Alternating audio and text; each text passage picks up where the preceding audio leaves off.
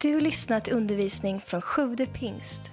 Vi hoppas att Guds ord ska tala in i ditt liv och fördjupa din relation med Jesus. Besök gärna vår hemsida, www.sjuvdepingst.se. Jag älskar julen och jag älskar snö. Det var sån fantastisk glädje i morse när, när det var alldeles vitt. Jag visste att det skulle snöa, men jag hade glömt av det under natten. eh, och jag valde, jag brukar, det är pinsamt att säga, men jag brukar alltid åka bil hit och det tar kanske tio minuter, en kvart att gå. Eh, och, men idag så var åh, idag måste jag gå för att idag är det snö ute. Medan de på andra raden här valde att åka bil idag för att idag var det snö ute. eh, men jag älskar, jag älskar julen. Jag älskar att eh, börja lyssna på julsånger redan säkert i oktober. Då börjar min eh, spellista på Spotify. Jag älskar det. Det bygger upp som förväntan och den där gången då man eh, öppnar julmusten för första gången. Ja, det är underbart. Men det som händer sen, det är ju på ja, efter julafton, juldagen, annandagen. Då är det ju över. Då vill jag inte ha mer eh, julmusik. Inte mer julmust fram till påsk. Eh, och inga mer skumtomtar. Eh, så därför kommer jag gå emot mig själv lite nu för att jag ska predika utifrån julevangeliet. Men jag hoppas att ni inte har tröttnat på det, för jag har faktiskt inte tröttnat på det. Eh, och det började faktiskt som en skoluppgift som jag hade i höstas. Jag går en utbildning som heter ALT en teologiutbildning. Och eh, det började som en skoluppgift och sen så började Gud verkligen tala till mig genom den här texten. Och jag skulle vilja dela det med er idag.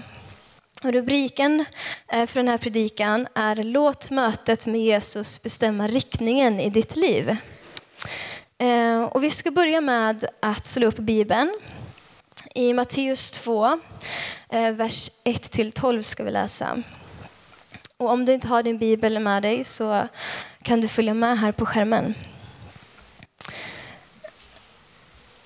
När Jesus var född i Betlehem i Judeen på kung Herodes tid, då kom vise män från östen till Jerusalem och frågade, var är judarnas nyfödde kung? Vi har sett hans stjärna gå upp och har kommit för att tillbe honom.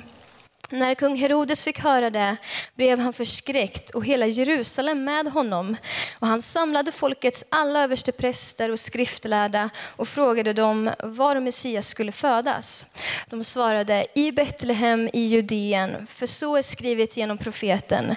Du Betlehem i Judaland, du är alls inte minst bland judafurstar, för från dig ska utgå en furste som ska vara en herde för mitt folk Israel. Då kallade Herodes hemlighet till sig de vise männen och frågade noga ut dem om tiden då stjärnan hade visat sig. Sedan skickade han dem till Betlehem och sa, gå och sök noga efter barnet. Ni har funnit det. När ni har funnit det, meddela då mig så att också jag kan komma och tillbe det. De lyssnade till kungen och gav sig iväg. Och stjärnan som de hade sett gå upp gick nu före dem tills den stannade över platsen där barnet var. När de såg stjärnan fylldes de av mycket stor glädje. Och de gick in i huset och fick se barnet med Maria, dess mor. Då föll de ner och tillbad honom och de öppnade sina skattkistor och bar fram gåvor till honom, guld, rökelse och myrra. Och sedan de i en dröm blivit varnade för att vända tillbaka till Herodes tog de en annan väg hem till sitt land. För dig som kanske inte är, är så van vid, eh, vid Bibeln och vid den här berättelsen eh, så vill jag bara berätta lite om Herodes, den här kungen. Det var ingen bra man. Um, han försökte lura de här männen att, att leta reda på konungabarnet som skulle födas uh, för att han skulle kunna göra sig av med det. Uh, så det var därför han ville att de skulle komma tillbaka till honom och berätta. Det är ganska viktigt att veta för den här berättelsen. Um, men det hände någonting med mötet, i mötet med Jesus. Uh, de vise männen de ändrar plötsligt riktning. Um, och jag ska inte gå händelserna i förväg, för först så vill jag bara ta upp lite om de vise männen. Vilka var de egentligen? Så vi ska läsa eh, vers 1 och 2 igen bara. Jag läser fort. När Jesus var född i Betlehem i Judeen på kung Herodes tid, då kom vise män från östen till Jerusalem och frågade, var är judarnas nyfödde kung? Vi har sett hans stjärna gå upp och har kommit för att tillbe honom. För det första så står det faktiskt inte någonstans om hur många vise män det var. Det står bara vise män. Däremot så står det om de tre gåvorna, guld, rökelse och mirra. Eh, men det kan faktiskt ha varit fler vise män eh, som har rest med, med fler människor. Eh, och så står det också så här att det var män ifrån östern. Alltså det var inte judar, det var inte några som tillhörde Israels folk. Eh, man tror att de kan ha kommit från Babylon. Så de var alltså hedningar. Och det var de som var några av de första personerna att se och tillbe judarnas konung. Och det tycker jag är ganska intressant. Vem Gud väljer att använda. Till exempel Ehm, när Jesus har uppstått. De första som får höra talas om att Jesus har uppstått, det är några kvinnor. Och på den här tiden så räknade man inte med kvinnorna. Och det var de som Jesus eh, visade sig för. De var liksom inte några godkända vittnen. Men Gud använder de som vi inte räknar med. Och jag älskar också den här berättelsen om eh, när Jesus mättar 5000 och det kommer en liten pojke eh, som har fem bröd och två fiskar. Och det stod just i den här berättelsen om att det var 5000 män. Och självklart så var det ju barn med också eftersom den här pojken var med. Men den här pojken han räknades inte ens i det här antalet. Gud använde dem som ingen annan räknar med. Och så är det i det här sammanhanget med de vise männen. Ett gäng hedningar som, som inte ens tillhör Israels folk några vise män som judarna inte räknade med. Och de fick vara med och tillbe Jesus som några av de första någonsin. Och det är min första punkt idag, att Gud använder dem ingen annan räknar med. Och det ger oss ett hopp idag. Om vi känner oss modlösa, att vi inte räcker till och om du kanske till och med känner att du inte har någonting att ge så kan du vara lugn och lita på att Gud vill använda dig. För han har bevisat genom hela Bibeln att han använder vanliga människor som du och jag. Som gör misstag och som kan vara rädda ibland eh, och stundtals lite osmarta. Men han använder oss ändå. Det är helt fantastiskt. Det är ett mysterium. Men vi kan vara trygga i det, att Gud använder oss. Och det som händer när vi inte tror att Gud kan använda oss, det är att vi, vi faktiskt förminskar Gud. För om Gud har bevisat att han använder vem han vill, vanliga människor, vem är då jag att säga att han inte kan använda mig? Jag var med i ett sammanhang då jag um, jag frågade om det var någon som ville dela med sig någonting som Gud har gjort i deras liv. Och de här människorna sa, ah, men eh, vi kan vara med och göra praktiska saker, men det andliga, det är, det är inte vi så bra på. Och mitt hjärta brast, för att vi kan inte dela upp livet i två delar. Att här är mitt kristna liv och det här är resten. För att det är ett enda liv. Och det handlar inte om hur andlig man är. Det är ett liv vi lever. Och Gud vill använda oss vanliga människor. Och han vill använda dig. Och för min egen del så vet jag att det är väldigt lätt hänt att eh, tänka att man själv inte räcker till, att man gör Gud mindre än vad han är. Och att tro att Nej, men det var nog mina egna tankar, det var nog inte Gud som talade. Och jag har ett typiskt exempel på det här. I somras så var jag med på Segelstorpslägret för ungdomarna. Och vi hade en eh, kväll då vi satt i smågrupper. Och vi skulle be för varandra var och en. Och jag var en av två ledare och eh, kände på något sätt ansvaret att om man skulle be för alla och ansvara. Okej, nu Gud måste du tala här för att jag ska vara ledare här och åh, hjälp. Det kändes lite pressat. och sen så kommer vi till den här tjejen och vi börjar be för henne. Eh, och jag tror att jag har fått en bild av något slag. Och sen så när jag börjar tala så, så bara förändras det här. Och jag hör mig själv säga att eh, jag tror att Gud bara vill säga till dig att han älskar dig. Och så kände jag så här, oh, eh, vad tuntigt det här lät. Inte för att det är tuntigt att säga att Gud älskar dig, för det är verkligen sant. Men det kändes som någonting som jag bara hafsade ihop. Eh, men så, så bad jag, okej okay, Gud, var med henne, visa din kärlek för henne. Och sen dagen efter så går jag ut, eh, ute på gräset på området och så kommer hon fram till mig själv. Ehm, och så kommer hon fram med tårar i ögonen och darrig röst och så säger hon, Ester, jag har skrivit ganska mycket eh, i min dagbok under det här lägret. Och så har jag skrivit nu den här veckan att Gud, jag behöver verkligen höra att du älskar mig. Och då bara kände jag, wow. Vem, vem är jag att säga att Gud inte talar? Och kanske är det så, ja men det är ju lätt hänt att strunta i de där tankarna. Men jag tror verkligen att Gud talar till oss. Och jag hade så lätt kunnat strunta i att säga det där att Gud älskar dig. Jag hade kunnat låta någon annan dela någonting. Men då hade jag gått miste om ett tillfälle av att Gud använde mig och att hon skulle få ta emot ännu mer av Guds kärlek. Och det ligger faktiskt lite ansvar hos oss här. Hoppas inte det känns för tungt för dig. Men jag skulle vilja uppmuntra oss allihopa att inte låta möjligheter att låta Gud tala passera. Och då kanske du tänker, men hur menar du då? Jag menar att vi ska utsätta oss för hans närvaro vid alla tillfällen. Att inte dela upp livet i två delar.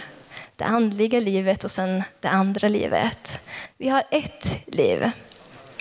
Och vi behöver stanna upp och titta oss omkring och fråga Gud. Gud, är det någonting som du vill säga till mig nu? Därför att jag tror att när vi frågar honom då svarar han oss också. Och kanske ännu mer utmanande att fråga Gud, är det något som du vill säga eller göra för någon av de här människorna runt omkring mig? Gud använder oss vanliga människor och Gud vill använda dig. Gud använder dem ingen annan räknar med. Som tonåring så Eh, så tyckte jag om det här bibelordet, låt ingen se ner på dig för att du är ung. Och jag kommer ihåg att jag använde säkert det vid fel tillfällen. Alltså. Inte att jag sa det, men att jag tänkte. Jag trodde att jag var lite bättre än andra. så om det var någon äldre som sa någonting till mig som jag kände, det där, det där är ju bara onödigt. Jag tänkte, nej, låt ingen se ner på dig för att du är ung. men eh, nu på senaste tiden, när jag blivit lite äldre, då har jag börjat inse lite mer vad det bibelordet handlar om. Jag sitter ibland och pratar med mina syskonbarn och de är nästan alla runt femårsåldern. Och ibland, någon gång så har jag suttit med någon av dem och så har jag bara hajat till. Därför att de, det var något som någon av dem sa. Så jag bara kände, det här är verkligen Gud. Gud som talar, det här är inte eh, Gabriel, utan det här är verkligen Gud som talar genom honom. Och så insåg jag att åh, jag får inte se ner på någon annan som är fem år eh, för att han är ung, utan Gud använder honom. Ett annat fantastiskt exempel det var um, för några år sedan och jag satt i kassan på ICA och jag hade så dåligt med pengar. Och så bad jag, gode Gud, jag behöver verkligen pengar. Kan du hjälpa mig? Och eh, så hittade jag en plånbok. Eh, yes! Kaching! Nej, jag hittade en plånbok och eh, vi hittar ett körkort där i och ringer till personen som den tillhör. Och när den här mannen kommer in så ser jag att det är en av de där männen som brukar sitta på torget eh, och dricka öl och som brukar komma och handla på Maxi köper bara öl. Um, och så när han får den här plånboken så var, blir han så glad. Han var, åh, ta, här, här får du pengar. Och så gav han mig en hundring. Och så tänkte jag, wow, att Gud kan använda en, en sån där människa. Alltså att vi ser ner på människor, det är så lätt hänt. Jag måste påminna mig själv hela tiden.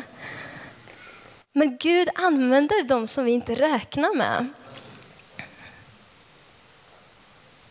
Mm. Vi ska fortsätta läsa. Vi läser vers 7, 8 och 9 i Matteus 2. Då kallade Herodes i hemlighet till sig de visa männen och frågade noga ut dem om tiden då stjärnan hade visat sig. Sen skickade han dem till Betlehem och sa, gå och sök noga efter barnet. När ni har funnit det, meddela då mig så att också jag kan komma och tillbe det. De lyssnade till kungen och gav sig iväg. Och stjärnan som de hade sett gå upp gick nu före dem tills de stannade över platsen där barnet var. Um, i vers 9 står det de lyssnade till kungen. Och min andra punkt för idag är vem talar in ditt liv? Vi ska, jag tror vi ska slå upp första Mosebok, vers 1 och några verser framåt. står det så här. I begynnelsen skapade Gud himmel och jord. Jorden var öde och tom och mörker var över djupet och Guds ande svävade över vattnet. Och här kommer det vers 3. Gud sa, var det ljus och det blev ljus.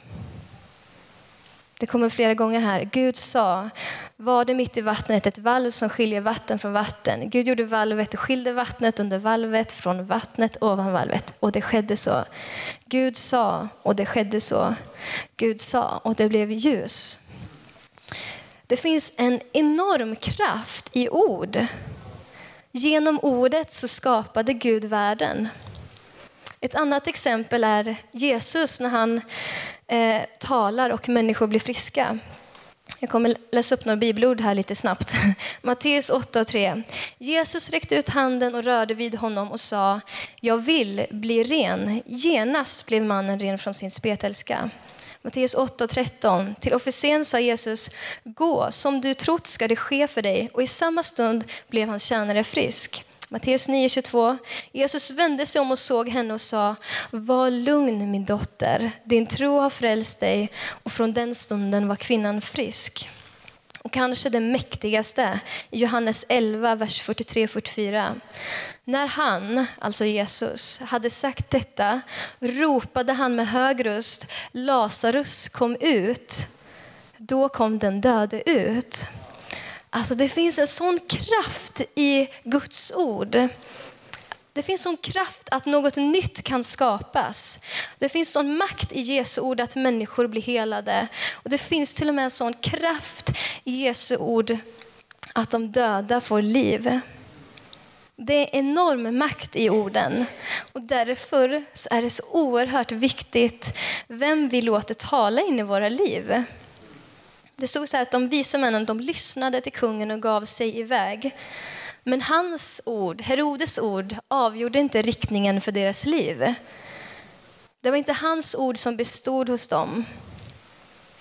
Så vem är det vi lyssnar till? Vilka ord är avgörande för våra liv? Eller vems ord? Och precis som Simon pratade om innan, att det är, så, det är så bra, det är alltid bra att läsa Bibeln. För om vi fyller oss med Guds ord så står det att vi får läkedom och liv. Jag har berättat det här många gånger, men den personen som har varit mest kritisk och talat mest dåliga ord till mig, det har varit jag själv. Mina egna tankar, Ester, du är inte tillräckligt bra, du kan inte det här, du, du har ingenting, varför skulle Gud använda dig? Och jag skulle bara vilja uppmuntra oss allihopa att inte låta våra tankar eller ord trycka ner oss själva. Jag märkte att när jag gjorde det så drog jag ner min egna potential. Och som jag nämnde tidigare så förminskade jag, förminskade jag Gud. För jag trodde aldrig att han skulle kunna använda sån som mig. Men när jag började inse vem jag var i Gud så började jag våga göra saker som jag aldrig tidigare hade vågat göra. När jag, började, när jag började inse att den här kraften som uppväckte Jesus från de döda, den finns i mig. Då var det någonting som hände inom mig. Jag blev förändrad. Och det började komma positiva tankar. Jag älskar vår församlingsdröm om förvandlade liv. Det är fantastiskt. Men jag älskar ännu mer att Gud fortsätter förvandla liv. Det handlar liksom inte bara om ett frälsningstillfälle och sen så var du färdig. Tack gode Gud för det. För jag blev frälst när jag var sju år, döpte mig när jag var sju år. Och tänk så hade jag varit på exakt samma sätt som då. Det är underbart att Gud fortsätter förvandla. Och vi måste bestämma oss vem det är vi lyssnar till och vem vi låter tala in i våra liv. Vissa av er har jag träffat på Maxi nu när jag jobbat där under jul. Och eh, jag sitter i kassan. Och under den senaste tiden så har jag gjort ett litet test när jag har jobbat. Eh, därför att eh, jag har börjat hälsa folk, eller när de har handlat färdigt så har jag sagt eh, ja, så önskar jag dig en trevlig dag också. Eh, och ibland hinner man inte riktigt med det, för vissa är så stressade att de bara springer iväg. Men jag har försökt i största möjliga mån att önska alla en trevlig dag. Och det kanske du tänker att, gör inte alla kassörskor där det? Men eh, jag har inte gjort det. Och det har inte kommit naturligt för mig, utan jag var tvungen att bestämma mig för att göra det, för att vara trevlig. Ah. Men eh, det som har varit så intressant det är ju att eh, när jag har sagt det så kan en människa som har sett så tråkig ut på utsidan bara stanna upp så här och ler och bara åh, ha en bra dag du med. Och då tänker man att sådana enkla små ord, att det kan göra en sån skillnad. Och något som är ännu mer intressant det är ju att om det är en kund som står efter och är beredd att betala för sina grejer, då har den sett allt som händer. Och inställningen hos den personen, den är ju överpositiv. Hej! Alltså det är helt otroligt vad ord kan göra för skillnad. Och det här är ju kanske en droppe i havet, det är ingenting jämfört med Guds, Guds ord som skapar liv, skapar jorden. Men det händer någonting när vi talar. Och vad talar vi för ord egentligen? Och vem talar in i våra liv? Vi ska läsa vers 10 och 11 står det så här. När de såg stjärnan fylldes de av mycket stor glädje. Och de gick in i huset och fick se barnet med Maria, dess mor. Då föll de ner och tillbad honom och de öppnade sina skattkistor och bar fram gåvor till honom, guld, rökelse och myrra. Min tredje punkt idag är hur tillber vi? De vise männen, de föll ner vilket är ett tecken på att man överlåter sig, att man underordnar sig. På samma sätt som när vi sträcker händerna här i lovsången. Det är liksom inte för att vi inte vet vart vi ska göra av våra händer. Utan det är för att vi vill visa Gud att vi underordnar oss honom, att vi överlämnar oss själva till honom. Och att vi litar på honom. Att vi får använda våra kroppar. Ehm, de vise männen de gav också gåvor guld som är något av det dyrbaraste. Det var något av det dyrbaraste då och är fortfarande idag. Och jag tror inte att Gud är ute efter vårt, vårt guld, men han är ute efter våra hjärtan. Han längtar så efter oss. Han längtar och han vill ha det dyrbaraste vi har. För att han längtar så efter oss. Han vill vara nära oss. Och när vi ger honom det dyrbaraste vi har, våra liv, då händer det någonting också. Ehm, vi läser vers 11 och 12 här. De vise männen. De, då föll de ner och tillbad honom och de öppnade sina skattkistor och bar fram gåvor till honom, rök, eh, guld, rökelse och myrra. Och sedan de i en dröm blivit varnade för att vända tillbaka till Herodes tog de en annan väg hem till sitt land. De vise männen de tillber och efteråt så får de en dröm. Och det är nästan som att tillbedjan öppnar upp för Guds tilltal. Tillbedjan handlar inte bara om att vi överlämnar våra liv till honom, utan han responderar till oss också. Han talar. Och när vi ger det vi har till honom, det dyrbaraste, våra liv, då responderar han också, alltid. Det finns så mycket mer att säga om tillbedjan och jag ska inte göra det nu. Utan jag vill bara poängtera att Gud vill möta dig i tillbedjan. Vi kan göra så att vi ställer oss upp och så kan lovsångsteamet komma fram.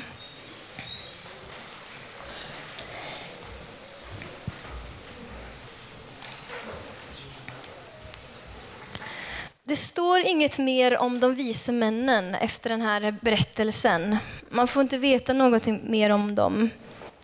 Antagligen så visste de inte helt fullt ut betydelsen av det som hände och det som de gjorde. Men någonting är säkert och det är att mötet med Jesus ändrade deras riktning. Och jag kan stå här och säga, ah, men vem talar in i ditt liv? Och, ehm, eh, ah, Gud använder alla. Liksom. Och det, det, kan liksom, det kanske inte alltid det kan inte landa förrän vi inser att vi behöver ett möte med Jesus först. Det är det som är det viktigaste i den här berättelsen. Att mötet med Jesus bestämmer riktningen i våra liv. Att mötet med Jesus får oss att förstå att Gud kan använda oss. Att mötet med Jesus hjälper oss att förstå vem vi ska lyssna till och vad vi ska tala. Och vår tillbedjan sker på grund utav mötet med Jesus.